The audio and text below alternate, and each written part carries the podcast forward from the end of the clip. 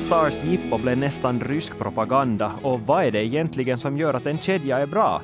Det är en fråga som klubbcheferna måste tänka på då transferfönstret snart stängs. Det här är ju Sportens NHL-podd med Anders Nordensvan och Mattias Simonsen. Ja, det finns många stora fiskar ute på marknaden men de här fiskarna måste så att säga passa in i nätet.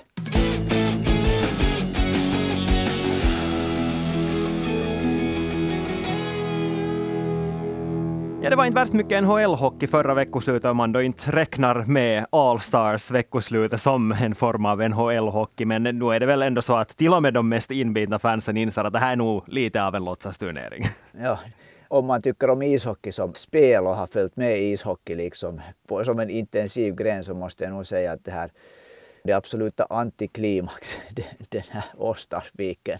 Ja, alltså det känns ju nog ändå som att det är de som inte behöver vara där som är mest nöjda. För att jag vet att Alexander Barkov inte är rätt person att försöka sådär döma ton, eller jämföra tonläge med, i och med att när man lyssnar på de här intervjuerna, han sa att han är så stolt över att få representera Florida Panthers, framförallt på hemmais när det nu arrangerades i Sunrise, där i Panthers hemmahall. Men samtidigt så tittar man sen på Instagram och ser att Anton Lundell är på, i Bahamas och, och så tänker man nu att nu tror jag jag att Alexander Barkov också hellre skulle ha varit på solsemester över det där veckoslutet istället för att sitta och titta på. Även om de vann, så ändå, nu tror jag nog att de hellre skulle vara borta.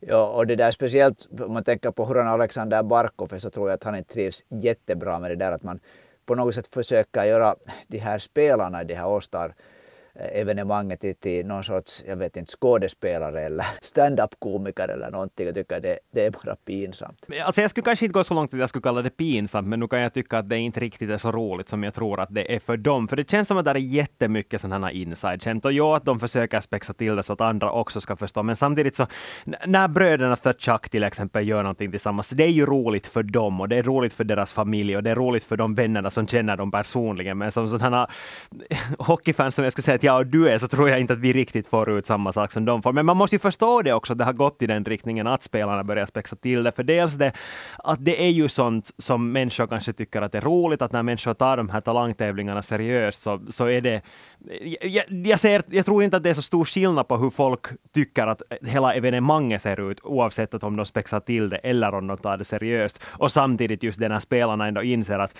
vi missar en semester för att vi måste vara här och delta i det här, så tror jag att, att de mår bättre av att få spexa till det också.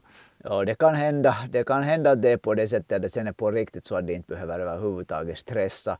Och så som du säger så det är ju faktiskt det här fanevenemanget är ju uppbyggt för, för att få nya vänner och till, till ishockeyn från USA. Nästa år när det är i Toronto så hörde jag redan åtminstone Elliot Friedman tippar att det kommer att bli en mycket tyst hall i Toronto nästa år. det är nog mycket möjligt. Och det känns ju nog också som att det uttryckligen är just USA som man är mer, äh, ska vi säga, öppen för sådana här sorters tillställningar. För det, nu finns det ju liksom, det här existerar av en orsak. Det Allstars veckoslutet skulle ju inte existera om det inte skulle finnas ett publikt intresse för det. Att inte kommer vi ju ifrån det att ligan vinner ju ingenting på det här sådär idrottsligt sett. Nej, det gör det inte. Men de vinner de pengar, kammar de väl in där och som sagt, de bygger framtida relationer. Det där. I tiderna var ju NHL, den här All-Star-evenemanget så att det var regerande mästarna som spelade mot ett sånt här All-Star-lag av övriga ligan och det tycker jag renat låter lite mer intressant. Mm.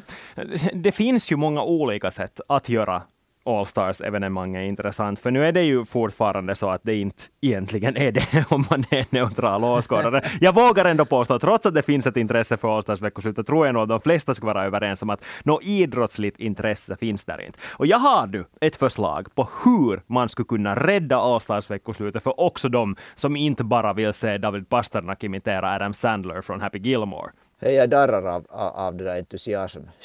jag hörde på din röst att du gör det. Nej, men jag har faktiskt skrivit en kolumn om det här på, på Ylesportens webbplats för flera, flera år sedan.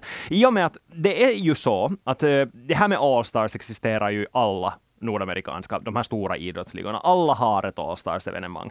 I NFL är det också ett jippo och där säger spelarna för övrigt helt öppet att de hatar att delta. Jag tycker att det är fräscht. Det, no, men ändå, det finns i NFL, där är det ett jippo. I NBA, där är det också ett jippo. Men där är det lite mer av, av en äresak som vi nu har sett i och med alla nyheter om hur fint det är att Lauri Markkanen har blivit uttagen. Så där finns det kanske lite mer prestige i det att man är där, men sen är ju själva matchen bara ett totalt jippo. Där är det med den där utnämningen att vara en All-star som är viktigare än att faktiskt delta. Men så har vi MLB, alltså baseballligan, där det faktiskt står någonting på spel. Hör och häpna, det finns faktiskt en fördel för de som vinner. För de som inte vet hur baseballen ser ut i USA, helt så här uh, ligans uppbyggnad och regler, så finns det alltså två, det som man i NHL skulle kalla konferenser, bara att i, i baseball talar man om två olika ligor. Det finns American League och så finns det National League. Och de här båda ligorna spelar med olika regler. Ganska stora essentiella skillnader i hur de här lagen är uppbyggda till exempel.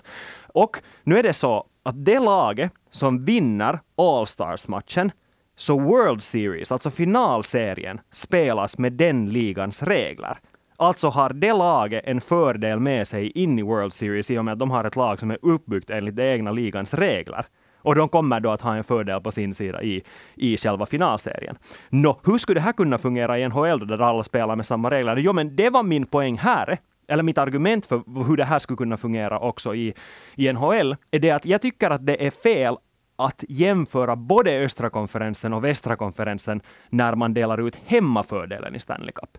För att den bättre konferensen är bevisligen den där var det svårare att ta poäng. Och då kommer det laget som kommer från den bättre konferensen att ha en sämre poängskörd. Om man tänker så här, enligt den här logiken, att ha en sämre poängskörd än det laget som kommer från den sämre konferensen. Och då är det, det om det är då vinnarna som ställs mot varandra, som till exempel förra sommaren. Om det skulle varit Colorado Avalanche mot Florida Panthers i finalserien, så skulle Florida ha haft hemmafördelen på sin sida. Men samtidigt är det säkert ganska många som säger att Colorado Avalanche nog alla dagar i veckan var det bättre laget. Så här skulle man kunna få in en sån här liten twist på det, att den konferensen som vinner All-Stars-matchen skulle få hemmafördelen på sin sida i Stanley Cup. Köper du det här, Anders? Jag köper det, det låter riktigt bra, men tyvärr så måste jag dra mattan under nu direkt. Nej, i sin den, här, den här säsongen. Så östra konferensen är vi säkert båda överens om att det där är bättre än västra konferensen. Mm. Ja, det är vi överens om. Då, då, då, skulle man kunna tycka att västra konferensens vinnarlag får mera poäng än östra konferensens vinnarlag. Men så kommer det ju inte att gå. Det kommer antagligen vara de tre bästa lagen i poängväg kommer alla från östra konferensen. Jag gillar inte alls det här att du förstör min logik. Jag försökte bara rädda Allstars veckoslutet så kommer du, du är så så... positiv Mattias. du kommer hit med sådana siffror som förstör mitt argument helt och hållet. Nej men hej, allt var ju inte helt frid och fröjd under Allstars veckoslutet heller, åtminstone sett, ur EU, eller, åtminstone sett i Europa, framförallt Tjeckien. Dominik Hasek, tidigare stor, legendarisk målvakten, kanske den bästa målvakten genom tiderna i hela världen, var ursinnig på faktumet att Alexander Ovechkin fick vara med med sin son dessutom. Och att han tyckte då, som många andra i Europa skrev under också, att det här är en skymf med tanke på det vad Alexander Ovechkin har stått för. Och, eh, och faktum är att det, det finns ganska många barn i Ukraina vars pappor aldrig kommer att komma hem från kriget. Ja, än, än en gång kommer vi tillbaka till det här som är som är helt ofattbart härifrån sett. Jag tycker det är inget illa såklart om Alexander Ovechkins barn, men nu är det ju, inte vet jag, nu går ju skammen på torra land. Mm. Vi har fått in en fråga om det här. Jonas skriver så här, inte kan väl NHL vara så blinda att de inte tar Haseks ord på allvar? Alltså, jag tror ju inte att de är blinda, utan jag tror att de, de är i så fall medvetet blinda. Man bara, de bara anser att det här är nu inte NHLs sak. De har byggt en massa massa det där kring de ryska spelarna och Vetjkin är en av de absolut största stjärnorna. Den här jakten på Wayne Gretzkys målrekord kommer ju att vara daglig rubrikstoff härifrån framåt tills han någon gång antagligen då når det här rekordet. Så det, där, det är nog bara ett kalkylerat beslut.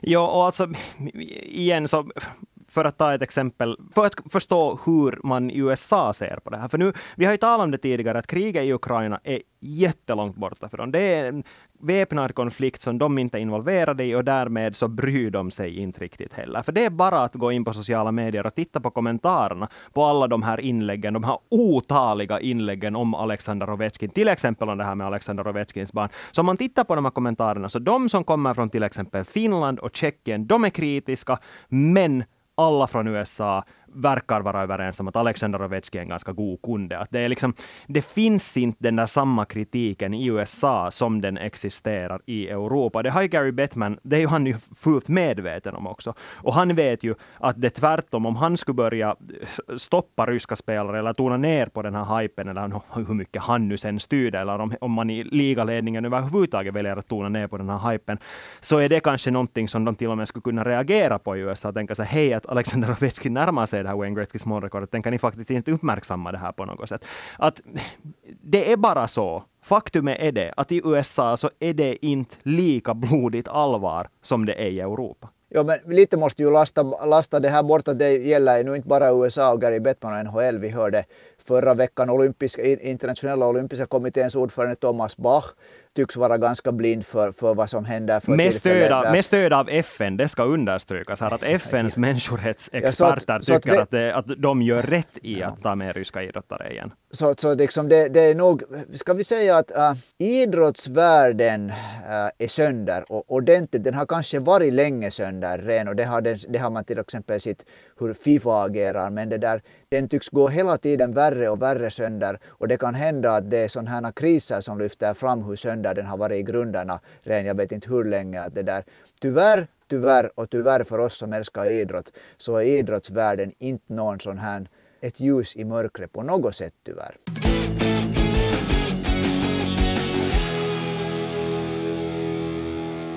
Men vet du vad Mattias, där, om vi tittar på, på ishockey nu som rullar på. Kedjor är intressanta. Där, kedjor är intressanta. Kedjor är ja. intressanta. Mm. Och det finns en det där kedja som har producerat mera mål än, någon, an, än någon annan kedja så här långt i NHL den här säsongen. Och där finns en finsk spelare med i den kedjan och det är Dallas-kedjan. Och det fick mig liksom lite att titta på att vilka kedjor för tillfälle den här säsongen som har producerat mest. Mm. Och det här är statistik från före All-Star-breaken, för det var ju här några dagar emellan. Och där är faktiskt Dallas-kedjan med Robertson, Hintz, Pavelski etta. De har skjutit 33 mål hittills och bara släppt 12 in jag tror det är inte en överraskning för någon att den här kedjan kanske är den eh, målfarligaste av alla i, i NHL för tillfället. Men sen kommer det en ganska stor överraskning. För, mm, eller överraskning och överraskning kanske inte när man tänker på det närmare. Men två, bara två mål bakom Dallas kommer sen eh, Buffalo-kedjan med Jeff Skinner, Tage Thompson och Alex Tuck. 31 mål. Det är, det, det, är faktiskt ja. en liten överraskning. Jag skulle inte ha placerat dem så högt. Nej.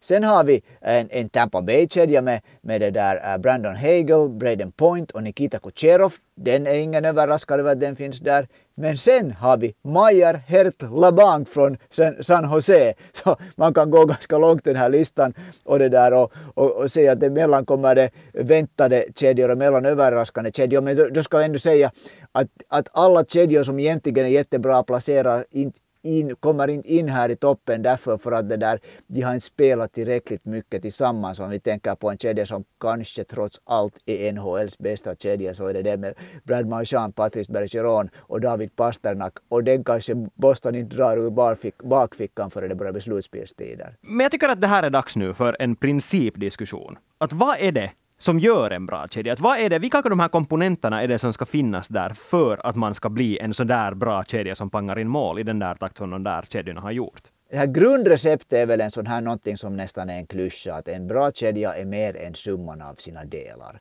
Nå, vad är de här delarna då? De här klassiska delarna i en bra kedja brukar ju vara så att det är en playmaker, det är en skytt och det är en tvåvägskämpe.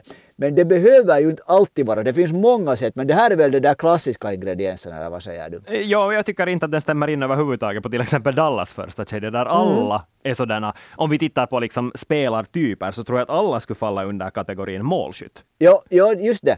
Men då finns det kanske lite skillnad ändå i det där hur bra de är som playmakers eller, eller ett tvåvägskamper. Men jag har också, när jag har lite listat hurdana de här kedjorna som helheter är, så har jag då för mig själv liksom, du kan säga om du har olika åsikter, så har jag sagt att de här, det kan finnas kedjor som är då som är bra på att hålla pucken och skapa liksom med att vet, rulla bara, hålla liksom skickliga. Där har vi till exempel kedjan, äh, Toronto-kedjan med Austin Matthews, äh, William Nylander och, och, och, och, Michael Bunting tycker jag är ett exempel på en sån kedja. Så har vi en sån här kedja som ligger högt uppe också det där är en sån här eh, kämpig kedja att spela emot som är liksom specialiserad på att vinna puckar och hugga till.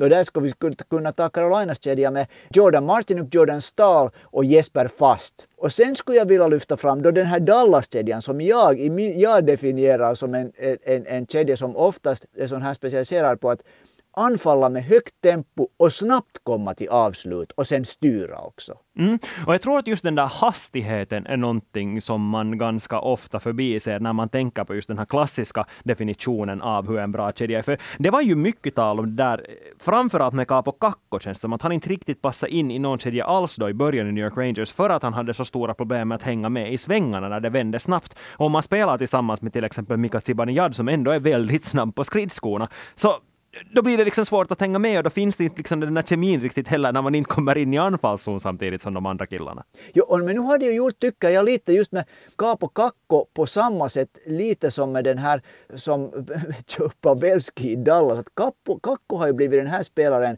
han är inte en snabbare spelare, som sen är jättestark där runt buren, håller pucken och har också börjat göra ganska mycket styrningar. Jag tycker det, det är inte en hemskt bra jämförelse med Pavelski och Kakko. Men lite liksom, jag skulle säga att det var ändå ganska ganska olika spelartyper. Men, men lite ja, samma roll. Lite samma roll att han är inte den här liksom grymt skridskostarka åkare, men han är som bäst nära målet. Ja, alltså, jag köper din beskrivning. Så jag, jag menar ju alltså bara att illustrera det där i början av hans NHL-karriär. För nu ser det ju helt annorlunda ut och han har jobbat på alla Men inte han snabb på skrinnarna ännu heller. Nej, nej, men han har jobbat på andra delområden som gör att han ja. kanske kan vad ska vi säga, kompensera för att han inte är värst snabb och därför passar han in sen i de här kedjorna på ett helt annat sätt. Helt som du sa, just i och med kanske att, att göra det som han är jättebra på och det är just det att vara bra på små ytor. Och då handlar det ju också om för tränaren att identifiera vad de där styrkorna är för de där spelarna, vilka styrkor som kan sådär kompensera eh, eller komplettera varandra om vi säger så. Så det, det känns som att det inte borde vara så himla svårt att göra när man tänker på att du vet att du till exempel har en spelare som Kakko som har de här svagheterna och de här styrkorna eller ta nu till exempel Jesse Puljärvi som man nu vet att har vissa styrkor och vissa svagheter.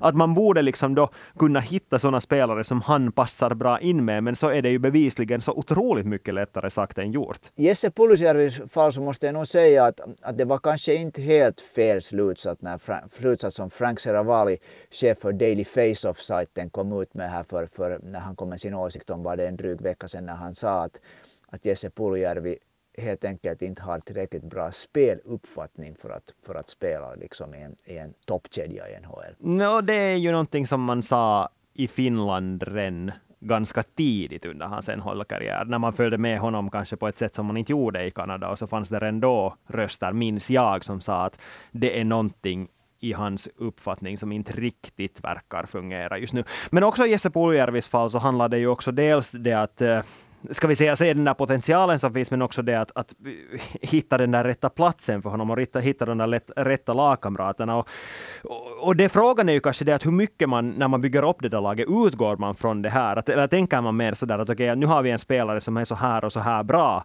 att han ska rymmas in i laget på ett sätt eller annat. För på något sätt känns det som att det har blivit grejen med Puljärvi och det är säkert grejen med många andra spelare i NHL också. Bara att du ser en spelare, du ser de här kvaliteterna som han har och tänker att okej, okay, det här är en spelare som vi vill ha, men så kommer det där problemet att var i pusslet kommer den här biten att rymmas in. Så den kommer mycket senare först i den här problemlösningsekvationen. Det är fascinerande där, det är ju alltid så att man bygger ett lag, men just när du säger nu Jesse Puljärvi, hur liksom att man borde hitta bara den där omgivningen för honom, för han har styrkor så jag kommer, jag kommer att tänka på den här kedjan, Carolina-kedjan som det där som man ser som en defensiv kedja men som faktiskt har gjort 24 mål den här säsongen med, med det där Jordan Martinuk, eh, Jordan Stahl och Jesper Fast. Och det här är ju inte varken Jordan Martinuk eller Jesper Fast är ju någon sån här spelare som man på något sätt ser som NHL-stjärnor. Jordan Stahl har varit med så länge och vunnit så mycket att man kan på ett sätt tycka att han är på sitt sätt en liksom en NHL-stjärna. Men det där, just, just Jordan Martinuk, inte han nu tycker jag någon spelare med så här lysande liksom speluppfattning. Att, typ, Jesse Puljärvi, en sån kedja, skulle plötsligt kunna vara med i en, en riktigt stark kedja igen. Ja, men där kommer vi sen till det här stora avgörande fenomenet, eller den stora avgörande variabeln, alltså den som inte går att definiera, alltså X-variabeln. Alltså ja. kemin, hur bra de här spelarna bara hittar varandra på isen. För det är ju någonting som ibland inte bara går att förklara. Utan ibland Nej. är det bara så att de där spelarna vet exakt vad de gör tillsammans på isen och blir en sån där organisk trio som rör sig tillsammans på ett sätt som det inte liksom finns någon logisk förklaring till. Nu vet vi liksom ju att, att både Rope Hintz och Jason Robertson är mycket högklassiga NHL-spelare. Men när Roberts och Pavelski Hintz-kedjan började liksom plötsligt att fungera jättebra så var det först liksom en över... Så var det just det här den här så talar man, och det kan man ännu också tala om jättemycket, och just den här att den här deras kemi på något sätt ännu liksom höjer dem som enhet liksom ett steg högre än de kanske skulle kunna vara om man tänker nu, om jämför dem till exempel med det där Edmontons superkedja var man kan plocka in både Dreisaitl och Conor McDavid i samma kedja och Zach Hyman liksom. Så som kedja så blir den här Dallas-kedjan inte så där som kedja hemskt, hemskt mycket efter, fast individuellt det blir det. Nej, och där just i Edmontons fall hade det ju mer kanske handlat om att du har en superstjärna i Conor McDavid, du har en superstjärna i Leon Draisaitl, så spelar det inte så stor roll vem som spelar tillsammans med dem i och med att de på egen hand kan skapa så mycket själv. Och det är kanske därför som Edmonton inte nu har nått lika stora framgångar som när Wayne Gretzky fick spela tillsammans med Jari Kurri till exempel och hade den där kemin. Och så fanns det ju också en viss Esa Tikkanen med som inte var helt obetydlig heller.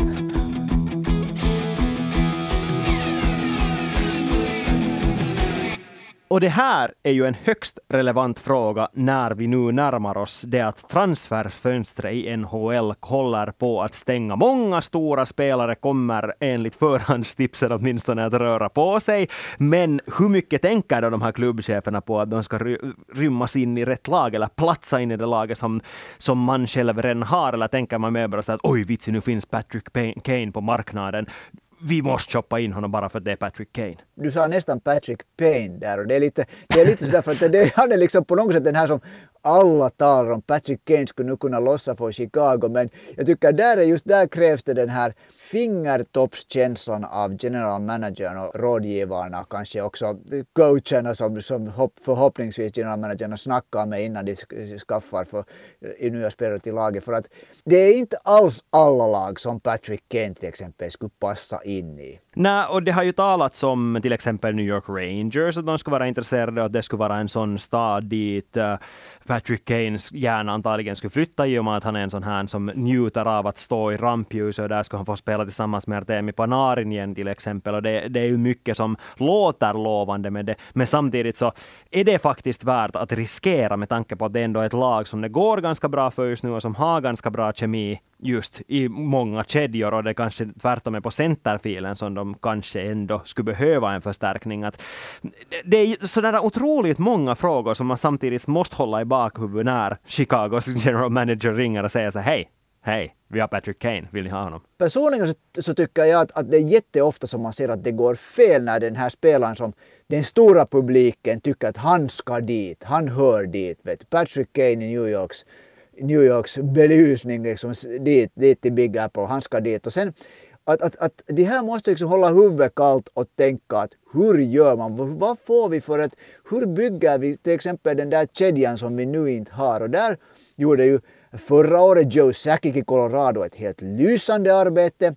Äh, vi har sett hur det där Tampa Bays general managers, både Steve Eiserman och hans efterföljare Brice Bois, med, med att hitta just sådana pjäser som laget behöver och inte kanske de pjäserna av vilka det rent finns i ett lag. För det här det där, det är ju ofta att varför tar man, jag tycker att det ett, kan bli ett klassiskt exempel, men ett exempel som är nära var ju förra året tycker jag att Florida gjorde definitivt fel beslut då när tradefönstret stängdes. Det är liksom, de skulle med våld ha Claude Giroud dit. Alla talar om att Claude Giroud ska till Florida, han vill till Florida. Ja, det där. Och så tog de in honom till det där Florida. Han är en jättebra spelare, en bra målskytt, men det, där, det var ju inte honom som de behövde till Florida. Nej, men innan vi går vidare nu med att snacka om spekulationer om vem som kan röra på sig, ska vi kanske för det första etablera eller slå fast vilka de här största fiskarna ute i det fria spelarmarknadshavet är. För det undrar Joshi också. Han undrar vilka kommer de här största fiskarna att vara den här våren, den kommande månaden? No, min lista är sån här att, att det är Patrick Kane, det är Jonathan Taves från Chicago, sen är det Timo Meyer och Erik Karlsson från San Jose. Sen i St. Louis Blues så är det till och med tre spelare som kan lossa för tillfället. Ryan O'Reilly, Vladimir Tarasenko, Ivan Barbashov. Sen har vi den här eviga trade-diskussionen Jakob, Jakob Chikrun, backen i, i det där Arizona som har varit, tror jag, i fyra år redan, alltid ett hett trade-objekt. John Klingberg, förra året från Dallas till Anaheim. Alla väntar sig att han ska flytta vidare. Det, det här skulle jag säga att känns för mig som de här riktigt heta namnen. Mm, ja, alltså jag håller med dig till 100 procent. Inte finns det riktigt något. Alltså, vi pratade ju förra veckan om att Bo Horvath eventuellt skulle kunna bli en sån igen om Islanders ser ut att missa slutspel, men nu gick de ju att förlänga med honom, så han är nog inte på väg någonstans därifrån. Nej, åtta år. Exakt. Och det finns inte liksom riktigt sådär jätte jätte, jätte, jättestora namn som kommer att flytta på sig de andra lagen heller, förutom kanske ett som eh, Simon frågar om.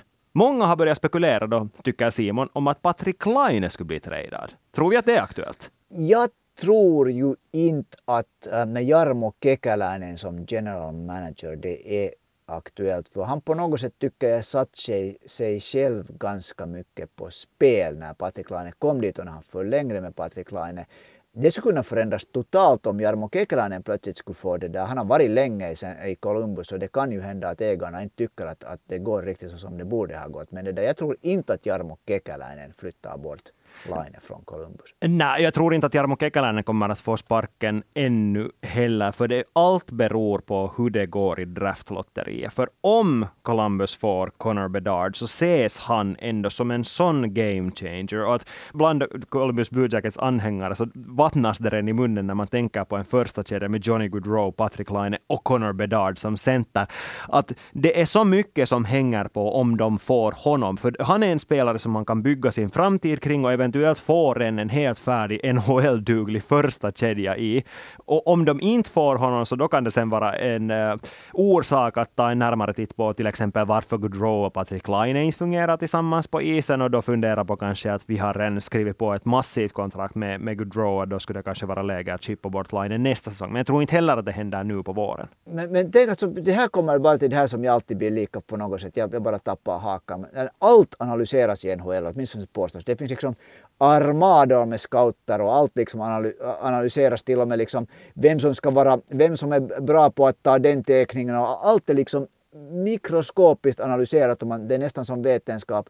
Och så sätter någon sig hela organisationen på ett sätt på spel på att man vinner ett lotteri för en, för en spelare som en tonåring. Nej, ja, men samtidigt tycker jag inte att Columbus har gjort värst mycket för att på samma sätt som Chicago till exempel, där man säljer allt och alla för att bygga om från grunden. Så det, det existerar ju inte på samma sätt i Columbus, utan man har fortfarande de pjäser man har och man är ganska sådär, känns det som åtminstone att man inte riktigt är villig att sälja någon heller just nu.